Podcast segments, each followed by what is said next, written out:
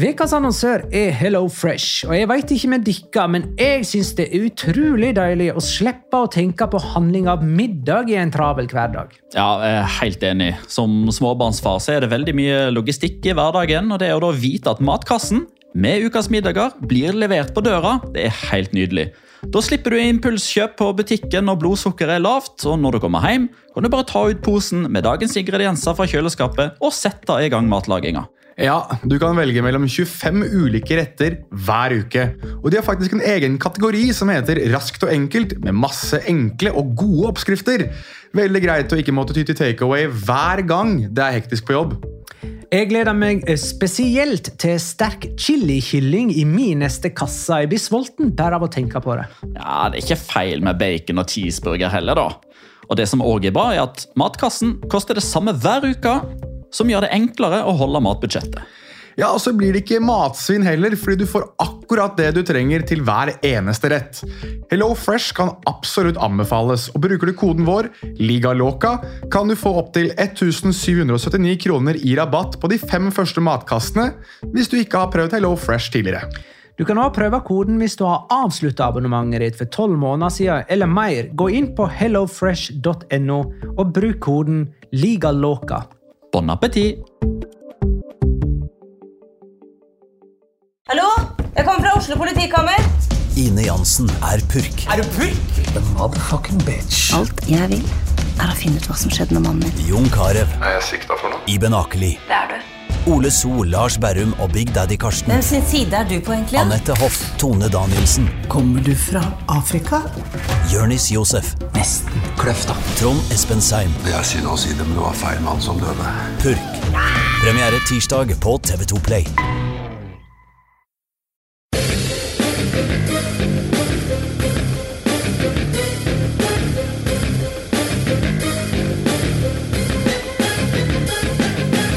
Har du sett? Messi vant sin sjette Ballon d'Or og starta umiddelbart arbeidet med den sjuende da han hamra inn et nytt hat trick. Men nå har Joaquin bestemt seg for å gi Messi reell konkurranse om utmerkelsen. Den lovende 38-åringen skåra sitt første hat trick og er i ferd med å få sitt endelige gjennombrudd. La liga loca. En litt gærnere fotball. Ja, ja, ja, ja, ja. Dette er La Liga Loca, episode 94 av det ordinære slaget med meg, Magnar Kvalvik, hei. Og deg, Jonas Giæver, hei. Hei, hei, hallo. Og Petter Veland, hei. Hei, hei, hallo. Ja, hvor skal vi begynne i dag, da, gutter? Hvordan går det med eh, vektreduksjon til Jonas? Skal vi ta litt, litt om det? Kan du bare si sånn bra, dårlig, status quo? Eh, siden sist. Eh, jeg tror det er status quo, faktisk. Det er, vi begynner å jevne oss litt ut. Jeg tror det faktisk er to uker siden sist vi snakka om det. Og da Jeg tror ikke vi nevnte det forrige gang, eller gjorde vi det? Da, er vi nede, i så fall. Da er vi ned eh, Ja, jeg tror vi nevnte det sist. Det kan hende, men det kan det være at du har gått ned for det at du har eh, barbert hodet? Går jo noe vekk på det òg? Eh, Ja, det kan jo være det, men jeg tror ikke hårveksten min er så sterk lenger til at det eh, har så mye å si. Jeg tror vi snart må vurdere å bytte coveret vårt, eh, med tanke på at jeg, der har jeg hår. Det har jeg ikke så mye av lenger nå. Så Du lir av den en naturlig Den- utvikling eh, i podcastens verden der, altså. Jonas Giæver uten hår. Petter, da skal vi si noe om deg? Nei. Bra. Du har ny Ja. telefon, du, Petter. Ja. Det så jeg. Den var Ja. fin. La oss snakke om fotball i stedet. Det er ikke spennende. altså. Det er mye artigere med slanking og trening og personlige trenere. Men det var det ingenting å melde om. Så da går vi på runde nummer 16. Som starta med Villarreal Atletico 0-0. Denne kampen sparka i gang klokka ti fredagskveld. Nei, klokka ni fredagskveld. 16 mål etter 16 serierunder for Atletico Madrid. Er rekordlågt i La Liga-historien deres. Så vidt jeg har skjønt. Nå er jeg helt nede på sjuendeplass de nå. Fem uavgjort på rad på bortebane i La Liga. Og i denne perioden så har de jo tapt to bortekamper i Champions League. Så totalt sju bortekamper på rad uten seier for Atletico. Det er vel på tide å gi Alexander Larsen ordet. Han skriver uh, masse, mange ganger. Eh, og eh, vi samla liksom opp eh, noen av hans statistiske innspill fra veka til veka. Og det han er fokusert på, er at Atletico Madrid nå ja, Dere kan dette XG-greien, Expected Goals-opplegget. Eh, Hvordan er det da Skal jeg bare lese. Atletico har nå slått motstanderen sin på XG i 18 av 21 kamper denne sesongen. På de siste fire kampene har de en XG på seks mot tre. Altså de skulle ha liksom skåra seks og sluppet inn tre, eller noe. Så de har en eh, by far verste statistikken på XG i La Liga med 10,91 mål i minus. Neste lag er Leganes med 5,56 i minus. Ehm, og så er jo spørsmålet da, fortjener de bedre? Eller har man begynt å hente popularitetsspillere som Lemar og Felix, framfor riktige spillertyper som Herrera for eksempelvis, eller eh, sånne som Raúl Garcia, det er jo Costa, Godin, Gabi-typene er ikke der lenger. Skal vi egentlig bare la Alexander Larsen få det siste ordet der? Nei, jeg vil uh, gjerne si en ting der, jeg. Uh, fordi uh, Alexander Larsen og en del andre Atletico Madrid-supportere var veldig påpasselige da en ung herremann fra Oslo sentrum, også kjent som sultanen av Oslo sentrum, mente at Alvaro Morata eh, ikke var verdensklasse og ikke fikk ting til å fungere. Skal du ha den beefen der med deg så, nå igjen? ta så at meg. At meg, gutta! Så prater vi litt om Morata og hvor god han er, ikke sant? Petter M skriver hvem skaffa Atletico seg denne vinteren, og hvorfor floppa han? Nei, men Det er jo faktisk litt interessant. Eh, Simione har jo allerede altså Han pleier jo egentlig å være sånn kategorisk ikke interessert i å snakke om spillere som ikke tilhører hans klubb. Eh, I hvert fall ikke ved navn, eh, men nå har han i hvert fall letta på sløret og sagt at ja, det kan faktisk hende at vi henter noen i januar. Og man sier det bare for å unngå sånn ubehagelige spørsmål videre på pressekonferansen. Eller om det er for å gi et enten berettiget eller falskt eh, håp om bedring til supportere som har vært vant til bedre tider de siste årene enn hva de er ute for akkurat nå. Det vil jo tida vise. Um, skal ikke bringe det fram som noe som helst rykte, men eh, jeg syns jo det er interessant eh, at i en annen podkast har jo annet eh, Arnstein Friedling lansert den perfekte Atletico Madrid-spiss i Erling Braut Haaland. Eh, og jeg må jo bare si det hadde vært moro. Jeg er helt enig. Eh, Og hvorfor floppa han? Nei, det må jo være Men eh, en spiller som nevnes veldig ofte, er han Bruno Guimaraes, da, som spiller i Brasil fortsatt. Jeg husker ikke helt om det er Atletico Paranaense han spiller i. Som nevnes veldig veldig ofte i forbindelse med en overgang til Atletico Madrid. Så kan det være at de allerede er så nære at eh, Simione kan si at de kommer til å hente noen. da, på grunn av han. Uh, Dette XG-greien er ganske tung materie, syns jeg. Uh, Atletico skåra ikke mål i denne kampen, og ferdig med det, liksom. Ja. Hadde en i stolpen. Var det flere? Joao Felix med etter noen fingertupper fra Ja. Sergio Asenjo. Men Jeg må jo bare si at jeg, jeg følger Alexander Larsen til dels på at de har fått dårlig betalt. Og det var det jeg var litt inne på etter kampen mot Barcelona og Juventus. Og for så vidt også mot Villarreal. De får dårlig betalt, men igjen, det er deres kall det uflaks eller dårlige avslutninger som gjør at de får dårlig betalt. Så de kan ikke skylde på noen andre enn seg sjøl. Det kan de ikke. Første kamp lørdag var Real Madrid Español 2-0. Forrige runde vet du, så skåra Ramos og Carvajal mot Alaves. Eh, Og nå fulgte jo Varan opp med skåring mot Español. Eh, Nå er jo Mendy ute i neste kamp, så kanskje Marcelo er inne igjen og må skåre. Han er skada. Han er skada. Ja, Nacho Fernandes, da. ja. Han er er skada. Uh, tenker jeg, altså. Alvaro Adriasola. Bale ned som venstreback. Hmm. Husker De første sesongene så var det faktisk sånn alvorlige avisskriverier om at Bale ja. kunne spille venstreback i El Clásico. Det hadde jo vært litt kult hvis han spilte venstre Ja, da da. var det jo godt en del av sesongen, da. Uh, ja, men Det var hans første kamp, for han var skada selvfølgelig første del av den eh, sesongen. Men i alle fall så skåra jo òg Benzema i dette oppgjøret. Hans tiende for sesongen. Fire strake ligaseiere for eh, Real Madrid, Uh, men med et tøft program framover. Mer om det seinere. Español for øvrig tok fem poeng under åtte seriekamper med Gallego som trener, og har fire poeng på åtte seriekamper med Machin som trener. Så ja, ja, vi får nå se, da. vet. They are going down. Ok, Granada Alaves 3-0. Eh, Alaves ble det andre laget som fikk to røde, kamp, eh, røde kort i en kamp mot Granada. Det gjorde jo også Celta Vigo i september. Det har blitt delt ut fem røde kort i Granada-kamper, alle til motstandere. Robert Soldado skåra. Hvem? Soldado, Roberto. Ja, Roberto. ja. Eh, og han skåra altså sitt første mål siden første serierunde. Så de han, han skåra på, er altså nedrykkstrua Alaves og Villarreal. Der kom han.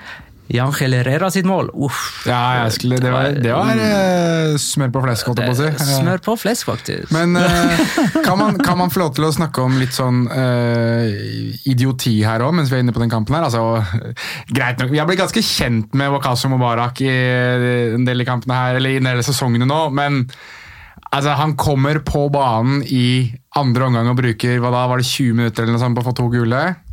Altså, ja, han, kom, han kom vel inn i første omgang, men allikevel, han brukte vel bare tre-fire minutter på å få sitt første. Just det, og så- der har vi den. Ja. Takk. Også, og I tillegg også Victor Laguardia som huemist. og det er liksom Sist sett i en UFC-ring, det sparket der. Ja, altså, det blir så Det blir så åh, I tillegg så fikk de jo en eh, tåpelig straffe mot seg, Manu Garcia. Han har, fram, han har laga tre straffespark denne sesongen. Den første for et slag, for det, det andre for hens, og det tredje for hens. Han må få kontroll på de armene sine. Jeg liker ikke Asegartan-laget. Ikke jeg heller. Jeg syns det er skikkelig kjipe lag. Spesielt når vi skal sikkert inn på en annen kamp der, med et annet lag han har trent tidligere, der de faktisk ser ganske morsomme ut. Levante Valencia, det, det, det er nok ikke den kampen du er tenker på. Vi går kronologisk framover her, det det veit du. Levante Valencia 2-4. Eh, Levante leder 2-0 etter skåringa av Roger Marti, eh, som òg starta Valencia sin snuoperasjon ved å fullføre hat tricket sitt med et sjølmål rett før eh, pause. Gameira skåra to. Ferran Torres fastsatte resultatet med sin skåring. I sin tredje av de siste fire seriekampene skåra han. Og skåra mot Lill i Champions League òg i den perioden. Ja. Eh, men Og da, de aller strek- fleste målene kommer liksom helt, helt på tampen. ja. Flink. Men, men spennende. Og han er så god. Mer om Valencia senere. Barcelona-Mallorca 5-2. Ante Bodimir skåra to mål på kamp nå og stjal alle overskrifter. Den som stjal overskrifter, var vel faktisk Kobo. At han uh, var tilbake igjen på kamp nå, og ble buet på i hver eneste gang han hadde ballen. Voksent. Eh, Barcelona storma videre på heimebane Vi seire i alle sju kamper på kamp nå, og med et målsnitt på over fire i hver kamp. Dette var tredje gangen de vant 5-2. Kan jeg ta en liten fun fact om eh, Ante Bodimir? Kom. Første Mallorca-spiller som skårer to mål eh, på kamp nå siden Samuel Eto'o. Oi. Men han kommer ikke til å bli kjøpt av Barcelona. Bodimir, altså. Nei, det er ikke Da er to skåret to. to var- to ble jo det. Eto'o-mål. Skal vi se, jeg tror vi er kommet til søndag klokka tolv. Frokostkampen. Eibar Getafe Eibar Getafe 0-1. Uh, oi, oi, oi! Uh, Getafe har seks seriekamper på rad uten tap, og på disse seks har de sluppet inn to mål. Dette ser virkelig ut som Getafe på sitt beste forrige sesong. De har tatt tre poeng mer nå enn på tilsvarende tidspunkt i fjor, og enda altså i fjor, to, eller forrige sesong, da, to poeng bak fjerdeplassen. Men det vil kreves mer enn 61 poeng for å ta fjerdeplassen denne sesongen. her. Det er jeg ganske sikker på. Mer om Getafe senere. Real Betis, Atletic Klubb 3-2. Joaquin har vært proff i 20 år, og da han endelig bestemte seg for å skåre hat trick, trengte han plutselig bare 20 minutter. En eh, vanvittig kamp av 38-åringen. Han kunne til og med ha skåra fire her. Mer om det seinere. Valladolid Real Sociedad 0-0. Nei, mer om det senere òg, eller? Nei, det var, nei, vi gjør oss ferdig med den kampen her og nå. Det var en tung affære. Det er femte strake uavgjorten mellom disse to på José Soria. Eh, De siste fem kampene har nå Real Sociedad seier, uavgjort, tap, seier, uavgjort. Og så kommer Barcelona på besøk til helga. De ligger fremdeles på fjerdeplass, av poeng med Getafe. Er det noe dere har lyst til å si om den kampen der? Det er cupfinale, så jeg har ikke sett den. Det var cupfinale eh, som var ferdig en time før, ja. det stemmer det. Da satt jeg på et presserom og skrev eh, saker. Multitasking, Jonas. Multitasking. Nja, litt vrient når du har uh, arbeid som skal gjøres til en viss tid. Skal vi, skal vi være så uh, antisvenska og pro-nordmenn at vi sier Isak stjal en skåring Han fra ødela, han ødela. Nå er han så lei av all den eh, stjernehyllinga-statusen som Ødegaard får, at nå går det på bekostning av laget. Ja. Nei da.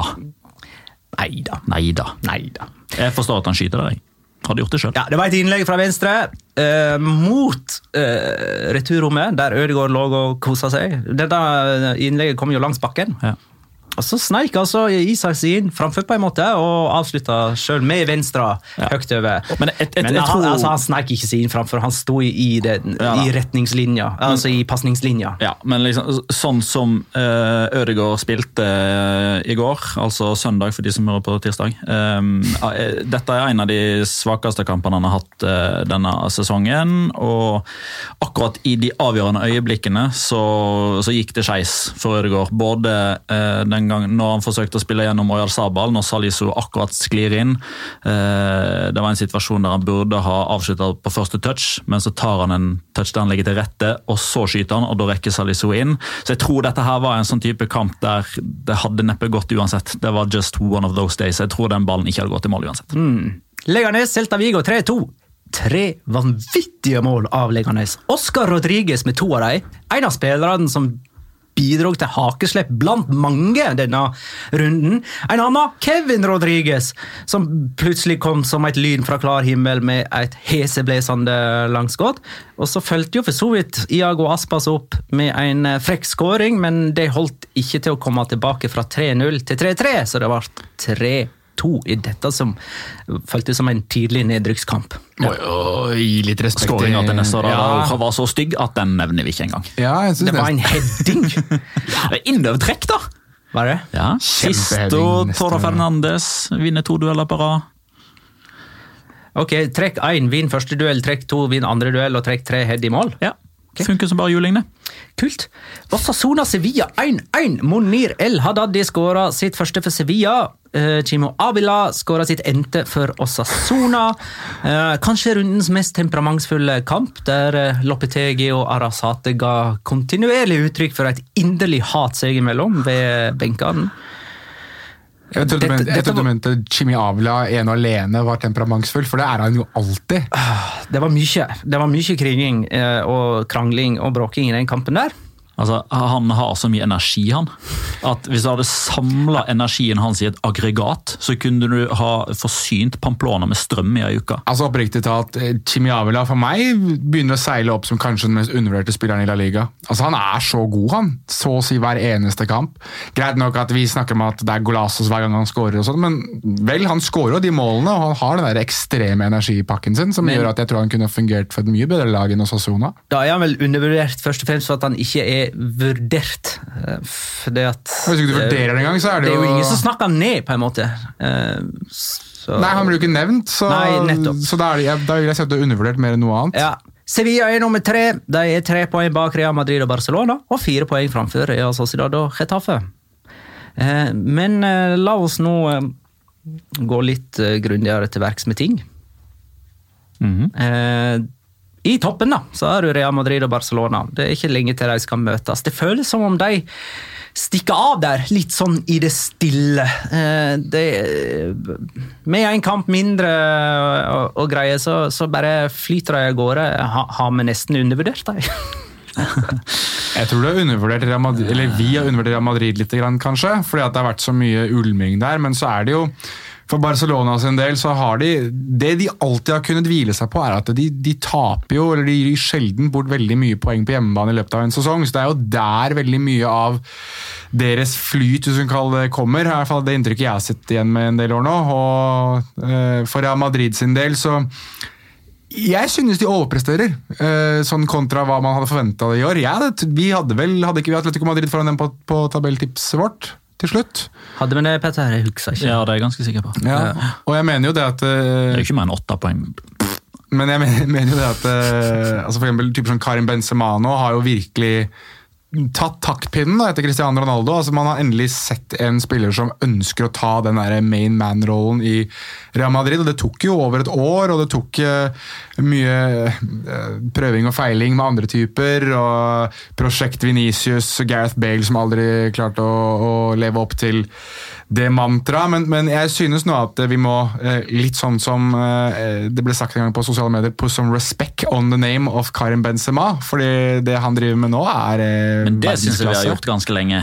Vi Ja. har vel egentlig hylla Benzema som den eneste som har vært i nærheten av å være representabel for sesong, og veldig god den høsten her. Vel ja, men vi har også jo klart å gjøre det til en sånn greie med at han skaper bare rom. Og han gjør jo det også, men han Ja, gjør Det var den første sesongen vår. det er helt, ja. Jo, jo, men men det da er det- var han jo ikke sånn som han er nå. Nei, Det var for øvrig i kåringen av han som rundens spiller. Eh, der jeg prøvde å påpeke at han gjør jo så mye mer enn det å skape rom, som Ja. gjerne har blitt Ja, Det var helt i begynnelsen av forrige sesong. Da satt vi på et hotellrom i Istanbul. Var med på Skype. Stemmer det? Så hadde vi en sånn Hvem skårer flest av Benzema og Suárez? Og alle stemte vel da Suárez. nei, jeg stemte Benzema. Gjorde du det? Det gjorde jeg. Men hvem var det som skåra flest mål forrige sesong? Det var Benzema. Ok. Var det ikke det? Til syvende og sist? Tror det var det. Nei, uansett. Jeg syns i hvert fall at uh, Karim Benzema må nevnes oftere som en elitespiss. Og i det at han faktisk også produserer veldig veldig mye mål nå. Jeg mener akkurat nå så er det kun én mann som er foran. Lewandowski. Som eh, denne klassiske nomini-type spissen. Ja. Mm. Ja, jeg ser Ja. det. Eh, jeg orker ikke å tenke på alle nierne akkurat nå. Eh, Så jeg bare gir deg eh, rett i det. Stor kamp igjen av Fede Valverde. Det er vel en spiller vi ikke så komme på dette nivået nå. Eh, Og så skal ikke vi glemme at selv om det er liksom mest fokus kanskje på et kommende El Clásico om halvannen uke, så er det jo en tur til Mestalla for det, for Real Madrid. Og der. Påpeker Mikael Jensen en, eh, et dilemma. For Casemiro har fire gule kort. Ja. Eh, og skal Er dette det største det Mikael Jensen skriver, er, det, er dette Zidans vanskeligste dilemma så langt denne sesongen? Altså Skal han bruke Casemiro i oppgjøret mot eh, Valencia og risikere at han får karantene til El Clásico, eller skal han prøve å vise et prov på bredde i stallen og la Casemiro hvile i eh, Valencia-kampen? Det, det er et aldri så lite dilemma, men det hadde kanskje vært et enda større dilemma hvis det var eh, Benzema eller Ramos eller Courtois for den saks skyld. For hvis det er én mann som er så flink til å unngå de gule kortene som han egentlig skal ha Er det noen som skylder gule kort, så er det Casemiro. Casemiro og Lucas Leiva er de to verdensbaser som skylder mest gule kort sånn generelt. Ja. Så nei, jeg tror uh, Du skal ikke se bort ifra at Casemiro kan starte den kampen på benken. Men da vil ikke jeg automatisk legge det på ei sånn uh, Zidane vil ikke risikere karantene på Casemiro i klassiko-kategori. Men jeg vil kategorisere det innenfor han har spilt alt fram til nå. Både for Brasil og Real Madrid. Den mannen må hvile snart. Litt sånn to fluer i en smekk, kanskje. Han trenger vel i alle fall ikke å spille Champions League denne veka. Nei, det gjør han aldeles ikke. Er han i det hele tatt med i troppen? Jeg, fikk, jeg eh, så ja. troppen, men så har jeg glemt noe om hva som Men det var er veld, veldig mange som ikke var med der. Ja, ja. Det er klart. Eh, Casemiro var med. Han er med, ja. Ja. Ok. Selvfølgelig er han det. Men jeg føler litt av de spørsmålene vi sitter med nå, undervurderer vi Real Madrid, eh, stikker de fra. Jeg føler vi får veldig mye svar i løpet av kommende helg. For der er det sånne gigantiske potensielle bananskall som begge lag kan gå på Ikke før sant. El Clásico, der de skal gyve løs på hverandre. Eh, for Barcelona møter nemlig Real Sociedad Det gjør de. Til helga. Det er godt fotballag, det. Få, få dager før eh, El Clásico. Vi skal ta litt om Messi, men eh, først uh, Rønnaug Rye Hytten eh, vil at vi skal prate minst 20 sekunder om hvor badass eh, Suárez kan være. Hvis ikke blir jeg litt sur på dere. Her kunne jeg ha skreket ut den siste setningen, men hun har lagt ved en smilende En smiley med sånn røde kjaker. Eh, Så det er litt mer sånn vennligere Ja. ordre. Hvor Eh, badass han er. Eh, Kan jeg komme med en Når han lobber hele ja. ballen i mål. Kan jeg komme med en påstand om at det er årets mål i La Liga? At det kommer til å forbli og sesongens mål i La Liga? men det tror jeg, det, det tror jeg du, det er ikke noe høyoddser, for å si det sånn. Nei, altså hvis du viser det klippet i real time, altså kamera 1, hovedkamera som du, som du ser i, eh, så er det mer sånn oh, wow, yes. Men det er når du begynner å se reprisene at du virkelig ser hvor teknisk briljant den eh, altså Hvis jeg hadde prøvd på det da, så hadde kneet mitt gått ut av ledd. Men- For det er så hardt. og altså, han, Ja. han, han chipper ballen med en hælspark. Han, han hæla ned, ned i bakken. Men det er litt sånn oppsummerende av Luis Suárez, fordi i noen minutter i forkant, eller sikkert ja, en del minutter i forveien der, så hadde han runda keeper og falt over i avslutningsøyeblikket. Men han scorer på de der. Det er eh, Men han sa vel selv også et, etter kampen at dette er hans beste mm, scoring i karrieren. Så hvis Luis Suárez selv melder det, så vil jeg tro at det her ender opp med Han har hatt noen heftige volleyscoringer. Ja, han har det sånn. Ja. ah. noen ekstreme skåringer òg. Eh, Men du var jo litt inne på det på Twitter, du Jonas, at dette er en mann som får det til å klø deg i eh, hodet. Ja. Det manglende håret, for du klarer ikke å rive deg i håret lenger. Nei. Eh, Sebastian Sirnes eh, Skjegget. påpeker jo at Suárez får fortsatt målpoeng etter målpoeng, selv om han spiller ganske dårlige kamper. Altså sånn Ja. Han var kjempegod mot Mallorca heller, men så bare har han den der baia-skåringen som gir oss hakeslepp, da. Ja. Det er, men, det, men er ikke det oppsummerende, syns du, for Luis Suárez? Sånn- Jo, det er jo det, men uh, for å ta videre med Sebastian Sirnes, da, så spør han om eh, vi mener at eh, det er på tide han gir seg. Altså som på dette nivået, ikke at han legger opp, vil jeg anta. For han har jo blitt linka til MLS, f.eks., og Jonas har vel de siste to sesongene sagt at uh, dette er hans siste sesong. Du, og duettpoeng der, dette her er jo hans siste sesong. Nei da, men altså Bare fortsett. Før eller siden så får du faktisk Jeg riktig. gjør jo det, men, men altså, fader Tid er fortsatt ubeseiret, som jeg pleier å si i disse, disse tilfellene her. Altså, det, han skal gi seg til syvende og sist, men jeg tør ikke å si lenger når det blir. Men jeg, jeg ser jo på typer som Oscar Cardoso og Roque Santa Cruz, som gjør det veldig bra i Paraguay f.eks., og de var jo avskrevet. Så det kan jo være at eh, han skal ned et hakk og ned et hakk til og fortsatt briljere. Men at Luis Suárez i sine altså på sin beste dag er en av verdens absolutt aller beste spisser, det er det ikke mulig å gå imot. Men bak Lewandowski og Benzema har vi allerede etablert. Ja, men jeg, jeg føler egentlig Luis Suárez er um, Et enigma. Ja, men jeg, jeg synes det er veldig vanskelig å komme med en sånn konklusjon på om dette her er den siste sesongen. Uh, først og fremst fordi vi ikke kjenner prosessene der og hva han sjøl vil. Men det er jo en grunn til at du Jonas, sier det du sier for noen minutter tilbake. At det er sånn typisk Luis Suárez å først gjøre et eller annet sånn Her, hva var det han gjorde nå? I negativ fortegn. Og så her, hva var det han gjorde nå? I positiv fortegn. Fordi han, han er en type som eh, Sebastian eh, er inne på. Han leverer målpoeng etter målpoeng etter målpoeng, men det, det, det, det altså, Han altså, har blitt de- sånn. Han er blitt, det, det er viktig å påpeke. Han har blitt sånn, for en gang i tiden så var han en målgarantist. Ja, ja, definitivt. Og en gang i tida så var han òg en spiller som du kunne bruke aktivt som et oppspillspunkt. Ja. Du visste at du fikk ballen i retur. Du kunne spille mer typisk Barcelona-fotball, sånn som de ville med Luis Suárez som, som spiss. Det kan, han er en av årsakene til at Barcelona ikke lenger spiller like feiende flott fotball. Fordi han har ikke lenger god nok teknikk. Han har for mange balltap, for mange stolpetouch til at det blir den her eh, kall det i hermetegn tikki-taka-fotballen. Fordi det, blir for mange brudd. Motstander overtar ballen. Så, så Det er den balansegangen der. Når leverer han nok målpoeng til at man fortsatt kan forsvare disse balltapene? Ja. Det er der jeg ikke helt blir enig med meg sjøl. Når bør slutten for hans del da være? Men elefanten i rommet etter dette oppgjøret på Camp Nou er Messi. Som mottok eh, Ballon d'Or. Han ble vel nummer fem han for et år siden. Stian? Ja. Mm. Så var det noen, han var vel han seks- hat-trick. Var det seks eller syv stemmer unna at eh, van Dijk eh, slo han? i Sju. her? Sju stemmer. Var det, var, det, var det Mondo Deportivo eller Sport som hadde syv stemmer fra, fra DS eller noe sånt, som overskriften sin i en eller annen avis?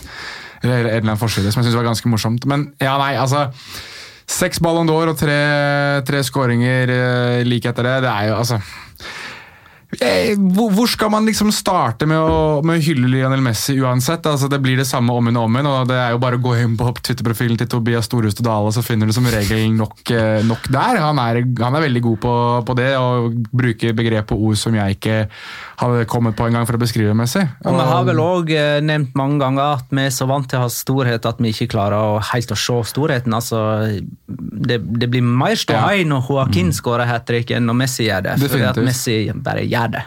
Ja, det er, Ja, ja, og hvis du, hvis du ser på kvalitet, den samla kvaliteten på de tre skåringene, så er altså Messi sine tre skåringer er både vanskeligere og finere enn Joaquin sine tre. og allikevel vi snakker mer om Joaquin, fordi for hans del så er det så sjeldent. Mens ja, Messi, da.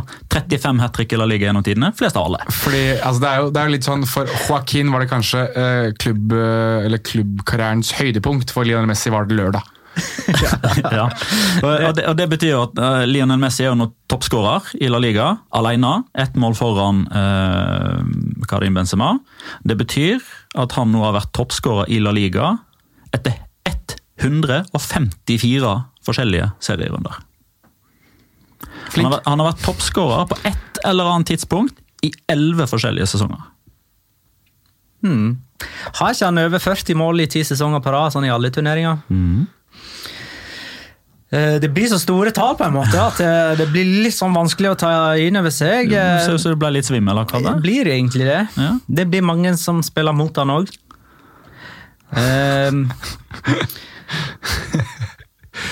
prøv å tenke av skåringene hans nå. Nå To, ja, det var to fra utafor 16 meter, var ikke det? Skrudde han opp i vinkelen, den ene. Ja. Altså en Den som var første er vel den aller vakreste, og den andre der var vel bare Jeg husker ikke hvor lenge etter det var, men eh, Messi og Vicente Moreno, Mallorca-treneren, hadde jo en beef. Ja, stemmer det. Eh, og så Ja, går det jeg vet ikke om det kan være kanskje ti minutter, eller sånt da. Og så ser du at Messi bare bestemmer seg, og så bare bang! Og så produserer bort, eh, fokuserer på Vicente Moreno, som bare går sånn rister på hodet og applauderer. Om det er en sånn eh, sarkastisk variant, eller om det er en sånn type Simeone-variant, Ja, det sånn det vet jeg ikke. ja. Men da var liksom som eh, Jeg så kampen eh, først eh, i opptak, pga. at jeg gjorde noe annet på lørdagen. eh, og hørte med litt sånn forskjellig lydspor for å høre hva de forskjellige kommentatorene sa. Og han eh, som kommenterte på engelsk for Strive, han eh, sa det ganske greit. Eh, som motstanderens trener så er det aller viktigste å ikke gjøre Messi sint. Ja, ja, helt sant det. Sivert van Morik spør eh, hvem har flest målgivende i La Liga denne sesongen av Eden Hazard og Mark-André Ter Stegen. Marc-André tar Det er riktig. Og så kunne du bytte ut Edna Sad med Joao Felix. Og mange andre, faktisk. Og ganske mange andre. Det var veldig populært på Twitter den kvelden, der uh, Marc-André Terstegen altså fikk sin andre målgivende, og sammenligna hvor mange målgivende han har mot store navn som er offensive for sine lag. Kjapp quiz. Antoine Griezmann har skåra mot alle lag han har spilt mot i La Liga, bortsett fra ett. Kaffet. Lid? Nei. Real Sociedad? Han har skåra mot de som Atletico spiller. Ja. Eh, nei, det vet jeg ikke. Eh, Atletico. Helt riktig. Atletico, ja, stemmer det. Eh, men eh, la oss ta kjapt eh, en Interfans sitt spørsmål her. Christian eh, Thorbergsen, som jeg har diskutert med før, tror jeg. Eh, hva tror dere om Inters sjanser i morgen? Det er jo tirsdag klokka Tirsdag klokka ni. Tirsdag klokka ni, er ikke det det? At den kampen går? Tirsdag klokka ni. Ni. Når var tidspunktet? Hvilken dag var det igjen? Er det denne tirsdagen eller neste? Uh, uttaket til Basha tyder jo på at kampen ikke er så viktig for deg, sier han. Og det er jo en kjempeviktig kamp for, uh, for Inter, selvfølgelig. Og ja, Inter-Barcelona er jo òg en viktig kamp for Dortmund, ikke sant? Eh, men eh, Barcelona reiser altså til Milano uten Messi, Piquet. De er jo bare hvila. Uh, Semedo og Alba er jo skada. Sergio Roberto er vel hvila. Dembélé er skada. Arthur er vel litt sånn begge deler. Han var vel skada i alle fall i helga. Én, to, tre, fire, fem, seks, sju spillere er i alle fall ute, og så er det mange uh, Og det sier vel egentlig sitt. Det er jo også Barcelona har Real Sociedad til helga, Ja. og er Clásico Ja, De er gruppevinnere uansett hva som skjer. Det er jo også litt uh, interessant med tanke på, litt for å gå tilbake til temaet vi hadde i stad, med spisser og Barcelona, at det er jo en interspiss som nevnes veldig ofte i forbindelse med, med Barcelona, og det er jo Lautaro Martinez. At det kan jo fint være at dette er en slags audition for hans del. Han skåret vel på kamp nå også, så han, han er jo en spiller som de sikkert uh, Gjør han ikke det? Eller bommer jeg nå? Han gjorde jo noe, han skårer, han. Ja, ja, Dere så så veldig Ja, ja. rart på hverandre. Så Nei, nei, jeg tenker bare mer på Kan det òg være en audition for en sånn type kraftspiss som Kevin Prince Boateng ish i Romelu Lukaku? Nei, glem det. Eh, Men eh, som sagt, eh, Lautaro Martinez er jo en som jeg tror kunne passet inn da, i den der Suárez-rollen og kanskje fått det til å fungere over lengre tid. der, så Jeg syns den er mer spennende enn noe annet, men jeg tror samtidig at ja, definitivt, når- Barcelona hviler så mange, så åpner jo det opp for høyoktansfotballen til Antonio Conto, som tidligere har slått Spania, som spiller på litt samme måte. Vi går videre til de jeg har utnevnt til rundens vinnere. Bortsett fra de to serielederne. Valencia og Getafe. Eh, For alle deres konkurrenter, Real Sociedad, Atletico Madrid, Sevilla Atletic Klubb avga poeng denne runden, mens Valencia og Getafe vant sine kamper. Skal vi rett og slett få en ny duell mellom de to lagene som så inderlig har lært seg å hate hverandre de senere årene? Eh, Kom Valencia seg gjennom denne helga uten skader? Eh, ja, Ja, det. Nei, de gjorde ikke det. Nei, Maxi Gomez. Uh, jeg vet ikke om Ja. han ble skada i kampen, men han er i hvert fall ikke med til Amsterdam. Uh, han var jo i kamptroppen mot, mot Levante og kom vel inn eh, 10-12 minutter før slutt. Men kan jeg få stille et spørsmål? Sillesen ble skada. Ja, det gjorde han. Han var allerede tvilsom, spilte 25-26 minutter og måtte ut med skade. Kan jeg få Så svaret er nei. De kom ikke fra denne kampen her. Der ser du. Men kan jeg fortsatt få stille et spørsmål? Ja. Hvor, Straffe fikk de òg imot. hvem, eh, hvem har flest poeng av Atletico Madrid og Valencia i La Liga? Nå? Mhm. Ja, det vet du jo. Ja, det er likt. Ja. Og vi har, vi mente, eller Noen mente at Valencia var helt ute å sykle, og andre mente at Atletico Madrid bare var i en transitional period. Bare si at Hva eh, diskuterer du med stråmenn nå? De Nei, jeg diskuterer litt med påstander her tidligere om at eh, Valencia ikke kom til å være med å kjempe høyere opp på tabellen. Ok, dette, har- skulle... dette har jeg fortrengt, det har jeg ikke fått med meg. Nå må du begynne å få med deg episodene vi spiller inn! Ja, ja. Uansett. Så jeg vil bare ha påpekt at Valencia og Atletico Madrid sitter jo akkurat eh, på samme punkt nå. Og det er litt gøy med tanke på at man skulle kanskje forvente at det ikke var sånn. Celades, Marcelino, Atletico Madrid som hadde kjøpt for store summer. Chris Robin Eriksen skriver Albert Celades har tydeligvis ingen plan A, men plan B ser ut til å fungere vanvittig godt. Første seier på Siotat eh, siden 2011. Hva, gikk ikke plan A så godt? Jeg vet ikke hva som var plan A og plan B i kampen. Men han, han har jo som regel peiling, han Chris Robin. Han følger jo med på Valencia, iallfall. Eh, ja, nei, De lå bare- under 2-0, Ja. og så måtte de liksom bare kaste alle hemninger. og... ja, men gjorde de det? Jeg vet ikke. Endra de noe? Vet. Bytta keeper, da, men eh, Det var jo pga. skade. Ja, ok. Jeg vet ikke hva planen var engang. Så Men kanskje det som er poenget, da, at han liksom ikke har en kanskje, poen... plan. kanskje poenget er bare å holde deg til plan A og ikke endre på det, så går det bra til slutt. Det kan jo ha vært en plan som tydeligvis også fungerte. Eh, Valencia møter Ajax nå på tirsdag.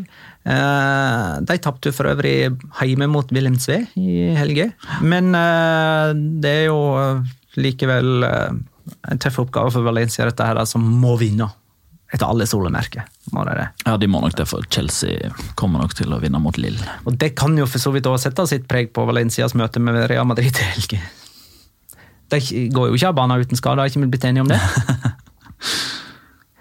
Retaffe, da! Hei! Hei. Um, Angel skåra igjen. Sju mål har han skåra, fem av de som innbytter. Han må jo altså ha, At ikke han Jeg vet ikke helt, Er det en sånn type som du tenker at du har mest lyst til å bare ha på benken som en sånn impact-sub?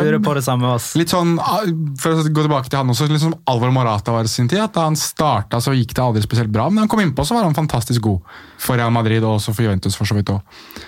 Og så ser vi hvordan det går Atletico Madrid. Men eh, jeg mener jo uansett at Chetafe Getafe har jo våknet nå, og det er jo ekstremt gøy, fordi da får du også sånne eh, nyhets- eller sånn radioreportasjer radio holdt si, med José Bordalas, som nå kommer med sånne stikk hele tiden mot alle de som har tvil på Retafe og sier at de spiller dårlig fotball.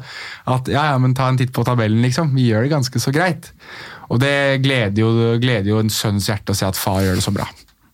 Retafe har jo òg nedrykkskandidatene Valladolid og Villa- Villarreal som motstandere før Der kommer jul.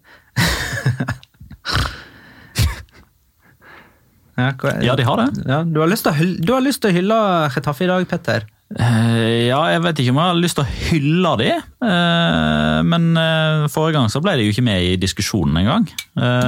Fordi Nei, det, det nei, nei, fikk jeg beskjed om da. Vi kan ikke gå i dybden på alt og alle hver gang. Noen ganger så må man prioritere. Ja. Nei, men jeg syns Ankrel egentlig er en fin mann å snakke om, fordi jeg føler han egentlig er en fin representant for hva Retafe egentlig er. Fordi Ja, det, er, bare så veldig mange representanter for deres fotball i det laget. Damian Suárez, Jaime Mata. eh, Jo, men Ankrel er jo ikke en stygg type, hvis det var det du tenkte på. Nei, men jeg syns de er stygge. Jo, jo, men, jo, jo, men jeg tenker mer på at hvis Ankrel starter på benken, eh, så er ikke det fordi han er dårlig eller fordi han eh, er en superinnbytter. Det er fordi de har òg Jorge Molina Ja og Heimemata. Ja, sånn, ja. ja, ja ok. Og, forrige, og, og, det som av mange ble trukket fram som et av januarvinduets beste kjøp forrige sesong for Uesca sin del, den kometen som kom fra ingensteds hen, Enrik Gallego får knapt spille fordi eh, de tre foran gjør det så bra. Denne kampen her så, så stilte de jo uten eh, ganske mange av de som normalt sett spiller fra start, samtidig som de gjør det bra i Europa. I en ganske tøff gruppe med Krasnodar, Basel og Trabzonspor, altså det tyrkiske, sveitsiske, russiske gode lag som alle har Europa League som den store gulrota denne sesongen. Altså Krasnodar eh, kjemper i toppen i, i Russland. Basel er kanskje ikke det Basel en gang var, men det er allikevel et kjempegodt eh, fotballag. Og, og Trabzonspor og Sørloth kjemper i toppen i Tyrkia, og de har eh, gode muligheter til å gå videre fra Europa League i en sesong der de da for første gang på elleve år er ute i Europa. Og ha, på samme tidspunkt så har de tre poeng mer enn hva de hadde på tilsvarende tidspunkt forrige Må sesong. ha U hjemme mot Krasnodar torsdag klokka 18.55. Alan Så er det Nyon og, og Damian Suárez på høyresida, det er så Det er Retafe for meg. Det er Retafe på Så er det Ogo Doro, da, som alle Valencia-fans er eh, veldig glad i. Ja, nei, men det er greit. Uh, før vi snakker om Betis og deres bragder denne helga, så spiller vi nå, da. Ja. Petter, take the word. Ja, eh, og jeg går eh, raskt i gang fordi denne eh, er litt omfattende. Nei, den er ikke det. Eh, men vi skal til en sesongavslutning. Eh, en av de klart mest dramatiske av sitt slag med tanke på nedrykksstriden. Uhorvelig gøy som nøytral. Et helvete som sub subjektiv og 2009. Nei. Granada 42, Villarreal 41, Rayo 40, Saragossa 40. Rayo og Granada møtes, Villarreal møter Atletico. Jeg tar Saragossa ut av ligninga og historien, for de vant borte mot Retafe, og de klarte seg veldig greit. Men dette her blir fortalt egentlig gjennom en El Dia Despoes-episode etter denne serierunden, der man har filma hva som skjer, og hva som blir sagt på benkene. For Atletico Madrid, som var Villarreals motstander, de var nummer fem foran denne siste serierunden. Problemet for deres del i kampen om fjerdeplassen var at Malaga, som lå på fjerdeplassen, hadde Sporting Rijon på hjemmebane i siste serierunde. Sporting Rijon var allerede nede, og oddsen på Malaga-seier var 1-10. 1-0 til eh, Malaga kom ganske tidlig i andre gang, og dette var Villarreal sine supportere og innbyttere veldig opptatt av å fortelle Atletico Madrid-spillerne. Villarreal-trener Miguel Ángel Lotina hadde bl.a. trent Filipe Luis i Deportivo. Filipe Luis spilte venstreback på den sida der eh, Lotina oppholdt seg, og ved gjentatte anledninger så sto Lotina og ropte 'Filipe! Malaga leder! Malaga leder!' Diego Godin hadde spilt i Villarreal tidligere og spilte nå for eh, Atletico Madrid. Carlos Marchena sto på benken og ropte 'Diego! Malaga leder! Resultatet har ikke noe å si for dere!' Marchena tilkalte til og med hjelp og vinka bort Mario Gaspar for å få han til å løpe til Falcao og si at 'Malaga leder! Du trenger ikke skåre!' Og Carmonias han var til og med så spekulativ at plutselig så leder Malaga 2-0. Men det gjorde de jo ikke, det var bare 1-0. Det var løgn nummer én. Og Så går disse to kampene mot slutten. Det står 0-0 i Rayo, eh, Rayo Granada og 0-0 i Villarreal Atletico Madrid. Og så skårer Falcao. Falcao skårer, Villarreal faller ned på 41 poeng, men det er ingen fare, sier optimistene i gul, for de har nemlig Rayo på innbyrdes.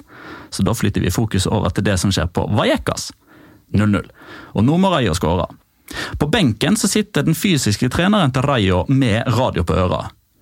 Gol del Atleti! skriker han. Og Hele Rayo-benken spretter opp, og kaptein Movia, som har blitt bytta ut, han løper ned langs sidelinja og ned til Granada-målet. For Rayo har fått corner. Movia huker tak i Diego Costa, og Diego Costa går bort til Granada-kaptein Inigo Lopez. Atletico har vunnet! Kampen er over! Dere beholder plassen selv om vi skårer nå. Løgn nummer to. Kampen var ikke ferdig mellom Villarreal og Atletico Madrid. Og Inigo Lopez ser forvirra ut. Han tenker så det knaker. Seriøst? Er det sant? spør han. Diego Costa rekker ikke engang å svare før corneren blir tatt. Rayo skyter, via ny corner. Diego Costa går bort til Inigo Lopez. Ja, Atletico har vunnet! Kampen er ferdig! Og så kommer Micho bort og legger sågar til at Atletico Madrid nå leder 2-0. Det gjør det ikke, det står fortsatt 1-0. Løgn nummer tre. Og så skårer Raúl Tamudo. I klar offside-posisjon, og Rayo-fansen stormer banen før ballen går i mål. Om det er årsaken til at assistentdommen ikke ser den klare offsiden, det er det ingen som vet. Men faktum er at nå jubler Rayo for ny kontrakt. Granada jubler for det de tror er ny kontrakt. Og Inigo Lopez og eh, Allan Nyom, som vi nevnte for et par minutter siden, de gir hverandre en klem et par sekunder etter at de har sluppet inn et mål som potensielt kan sende de ned en divisjon. Fordi på El Madrigal så er ikke kampen over. De skulle få en siste gyllen mulighet til å bli redda fra drukningsulykka. Marco Ruben steg til værs, hedda ballen retning mål. Et helt stadion holdt pusten i et par sekunder, og i sakte film så man ballen passere utsida av stolpen og livet passere i revy. Granada var safe, Rayo var safe, Villarreal var nede. Nå da? Vi nevnte vel denne sesongen forrige gang, tror jeg. Eh, Etter at Villarreal hadde gått fem strake kamper uten seier for første gang siden 11-12-sesongen, og da rykka de ned. Er det endelig svar? Kort og greit? Kort og greit. Jeg har ikke noe å tilføye. Og Sånn, Petter sto i Kanal Pluss-studio og holdt tilbake sine tapre tårer. 2012 er riktig. ja, det var, den, eh, var det jeg falt ned på, jeg òg, faktisk. Det var for øvrig den samme sesongavslutninga da Granada tapte mot Real Madrid eh, helga før, etter et straffespark og sjølmål imot de siste ti minuttene, som kulminerte med fire utvisninger etter at kampen var ferdig, blant annet til Dani Benitez, som kasta ei full flaske med vann i hodet på dommer Klos Gomez. Eh, Beklager at jeg kom med det svaret så kjapt, men etter fem minutter med nedrykksdrama, så var det på tide med en forløsning. Det er en ny variant, i stedet for at det blir en sånn kort eh, intro og lang svar-debatt. Så Ja. tok vi det omvendt denne gangen. Skal vi snakke om et lag som antagelig ikke rykker ned likevel? Eh, Real Betis og Joaquin Sanchez. Eh, ja, vant altså 3-2 da mot uh, Atletic Klubb. De leder jo 3-0. Leker jo fortsatt som ei sil bakover. Slapp inn to mål. Eh, men eh, tja, hvem er elefanten i rommet her i denne sammenhengen? Det er jo Instagram-stjerner, det, da. Altså, Joakim, altså. det er eh, altså Jeg så kampen Jeg måtte se kampen i opptak eh, grunnet den tidligere nevnte cupfinalen her. Og jeg så den i opptak i dag, og jeg synes jo Altså, Unai Simon må lære seg at han har en venstrehånd også. Det er jo kanskje det første, første jeg tenkte med en gang. Men du tenker ikke keeperen på disse tre målene her, vel? Ah, må jeg tenke meg om. En av dem i hvert fall mener han, han kan gjøre bedre på 2-0. Er, er vel den beste avslutninga, synes jeg. Alle de sånne her skjærer inn fra venstresida og vrir Ja. i lengste Ja. Litt sånn uh, Uten sammenligning for øvrig, nå skåret han også eh, en av sine i, i sin siste kamp. eh, David Villa. Litt sånn David Villa-ish-skåringer fra Joaquin. Men eh, nei, jeg Men hvis vi skal fortelle Unai Simon at han må bruke venstrehånda når Joaquin legger ballen der, bør vi ikke da fortelle alle motstanderne til Barcelona at Messi limer ballen opp i krysset med venstrefoten Jo da, altså det er, jo, jo, det er det der at eh, Og Arjen Robben i City? du, kan vite hva han skal gjøre, men det er en annen ting å stoppe det. Jeg er helt enig, men uansett altså Første 20 minuttene øh, å skåre hat trick, og alle har skåret hat trick tidligere i sin karriere. Altså han, på 2-0 så, så så det ut som han sto og gråt, for han var så glad at han hadde skåra to mål. Og da tenkte jeg, da, da han skåra tredje, tenkte jeg at nå, nå kommer kanalene. Men da var han jo bare så letta og så glad. Han hadde bare kasta seg inn blant uh, lagkameratene på benken. Men nei, altså Hvis det er en fotballspiller man virkelig unner sånne øyeblikk, og unner eh, å få så mye heder og ære også i etterkant, så er det Joaquin. For det er det noe han Han vil nok for alltid, i, hvert fall i, i min bok, gå ned som kanskje en av de som hadde høyst potensial, som ikke fikk alt ut av det potensialet, men samtidig så kommer du ikke til å se tilbake på hans karriere og tenke at han har gått glipp av noe særlig. Fordi han bare er en sånn ikonisk figur som man kommer til å huske og, og mimre tilbake til lenge lenge etter han har lagt opp. Kanskje mest for det han gjorde utenfor banen, men øyeblikk som dette gjør at han forvares og, og, og eviggjøres også eh, på banen.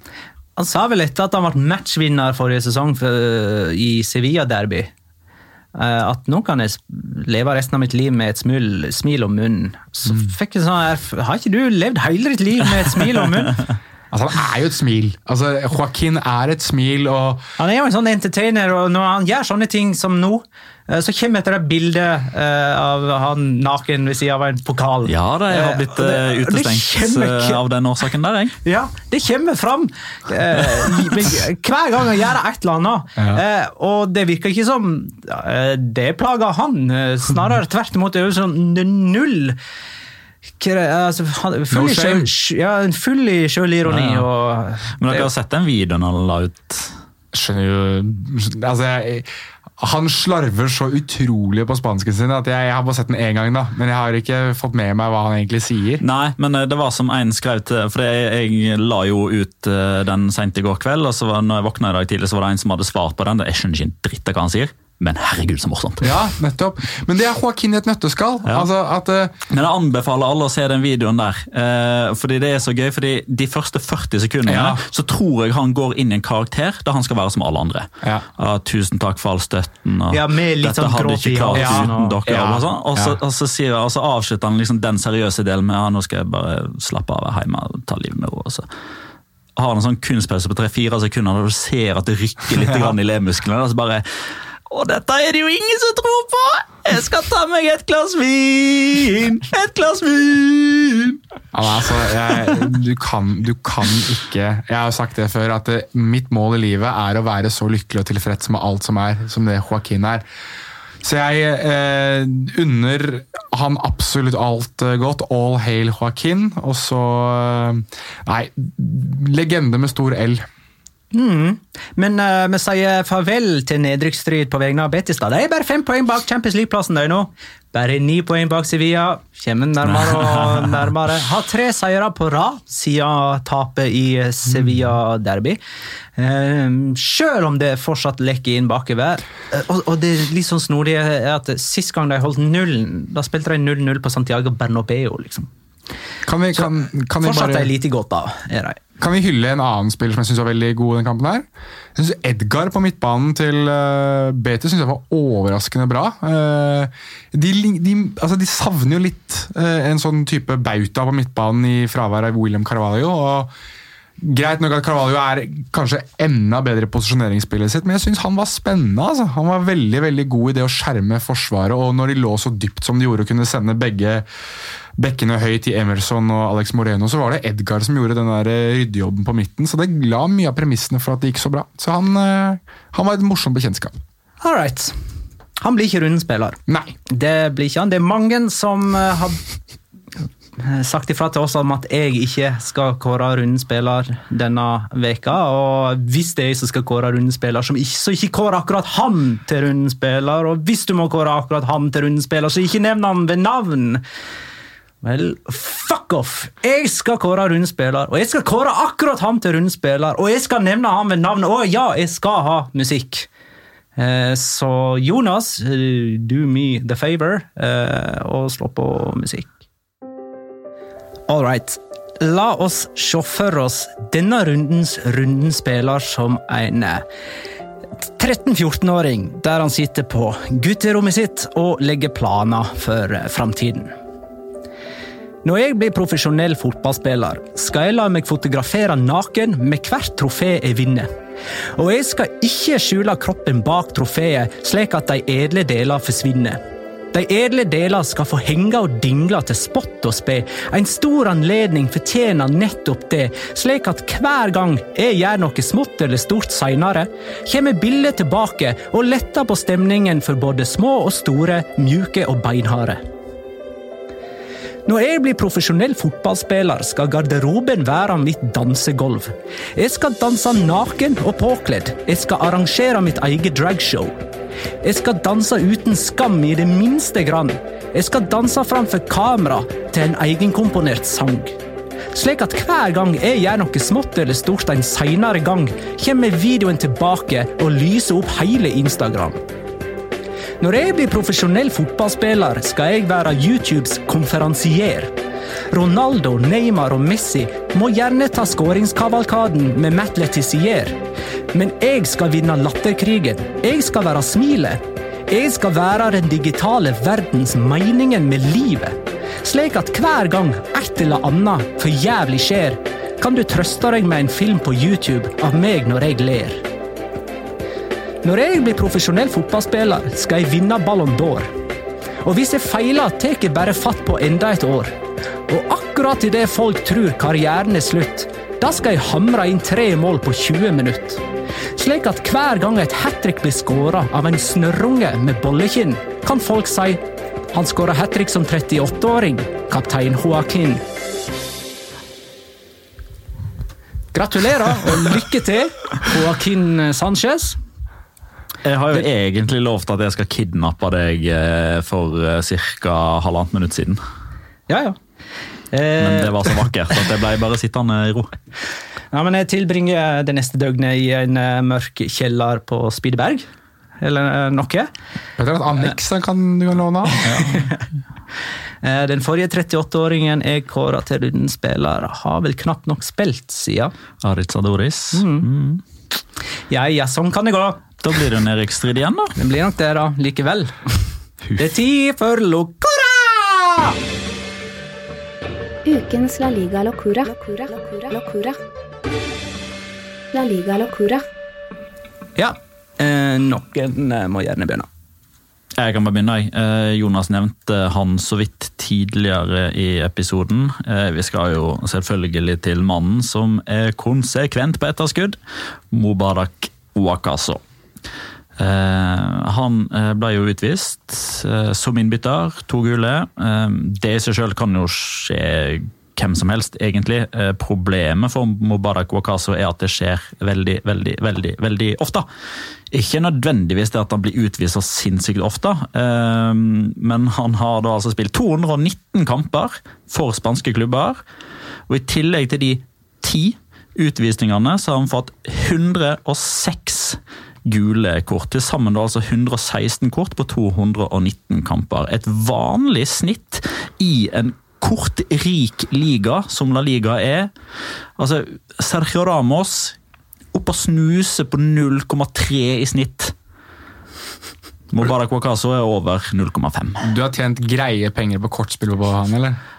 Det er lenge siden det hadde vært mulig å tjene penger på Mubarak Wakaso. For det første så blir han sjelden tilbudt, av den åpenbare årsaken at han ofte får gult kort. Og når han blir tilbudt, så er oddsen så lav at eh, de som ikke følger La Liga, antageligvis setter store summer på at han ikke skal få kort, og så får han kort. Eh, Min locora går til Lionel Messi, rett og slett fordi at han fortjener en locora oftere enn det vi gir han. Eh, Jeg vil bare påpeke at dette var hans andre hat trick for sesongen, og at det første hat tricket mot Celta Vigo var tre mål på dødballer, og at denne helga mot Mallorca skåra han alle tre mål i åpent spill. Ja, og har han fått én Locora, så skal han saktens få en til. Fordi eh, Bra! Dette liker jeg. Ja. Kjør Messi locoras nå. det er jo en, en Messi slash Vi sendte, Moreno Locora, eh, og her trenger jeg litt grann tid. Men eh, vi sendte Moreno, treneren til Mallorca, sa jo det at etter kampen at statistikkene viser at når Lionel Messi får gullballen, så skårer han enten to mål eller, eller et hat trick etterpå, så dette lovet ikke godt for oss, sa han da etter kampen. Og er det en ting jeg synes er ganske irriterende, så er det trenere eller folk som rett og slett bare tar statistikker ut uten å tydeligvis ha etterprøvd det. Fordi jeg synes det hørtes litt rart ut, for jeg mener å huske at han ikke skårer så veldig mye rett etterpå. Så Uh, allow me. Uh, I 2009 vant Lionel Messi gullballen. Han fikk gullballen 1.12. 2.12. spilte Barcelona borte mot Jerez. De vant 2-0, ingen Messi-mål.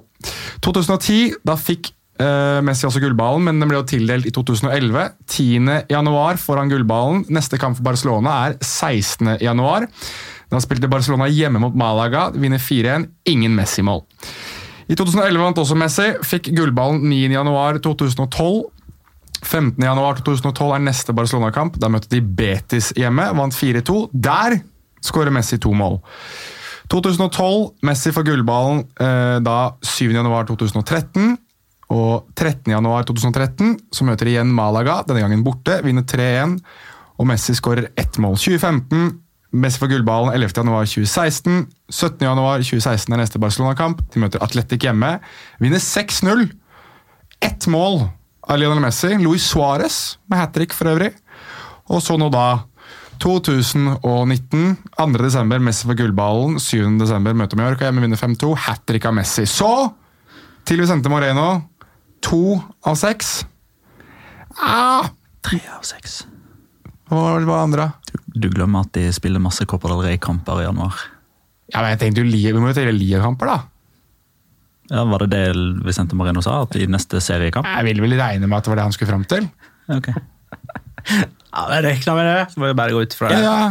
Kan vi ikke det? Jo, ja, okay, det kan jeg kan godt ta med Copa. Jeg syns fortsatt statistikken er ræva, ræva, ræva. Jo, men Han skåra hat trick i kampen etter han fikk gullballen i 2011 mot Betis i cupen. Var det med eh, Pepe Mell som eh, Betis-trener? Var det da Det var i 2011, så Ja. det kan godt hende. Da var det i sekunder, tror jeg. Jeg tror det var da Betis presenterte oss for det høye presset mot Barcelona, og det funka i 50 minutter, så var det fullstendig kollaps. Det var litt Ja, stemmer det. Den Men ja, det er helt riktig, han gjør det ikke i hver kamp, så han tar feil. Skal vi tippe? ja, ja. Hei, vi må ta et spørsmål fra Fredrik Sjøvold, bare fordi at eh, vi har glemt å, å nevne Kikki Setien. Så han skriver Hva tenker dere om Kikki Setien, og hvilke La Liga-klubber er han aktuell for? Jeg tror han er sarkastisk. Vi skal, jeg, jeg tenker ikke at vi skal svare på det, det er bare et spørsmål vi må ha med hver gang. Ok.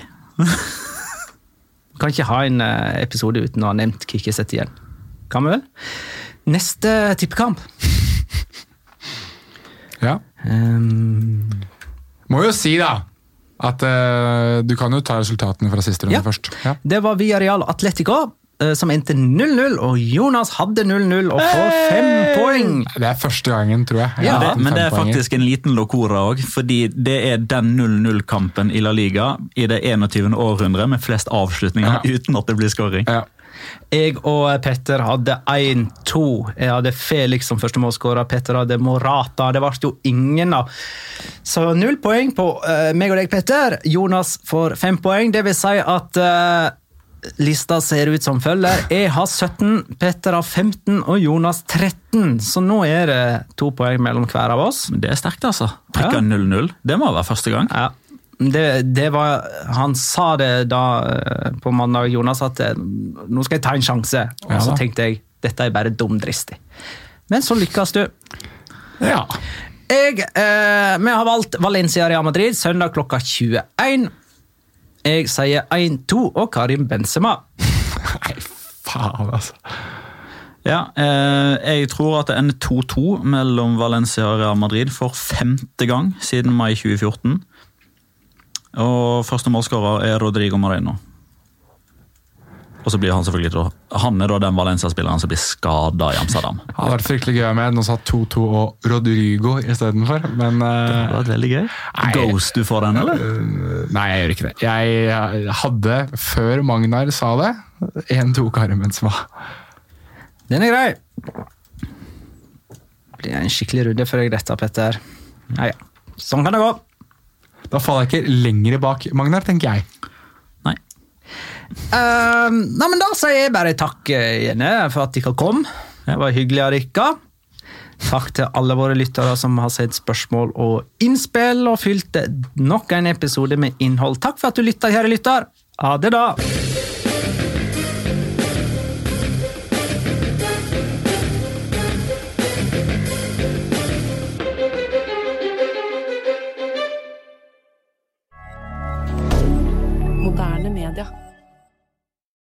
Har du et enkeltpersonforetak eller en liten bedrift? Da er du sikkert lei av å høre meg snakke om hvor enkelt det er med kvitteringer og bilag i fiken, så vi eh, gir oss her, vi.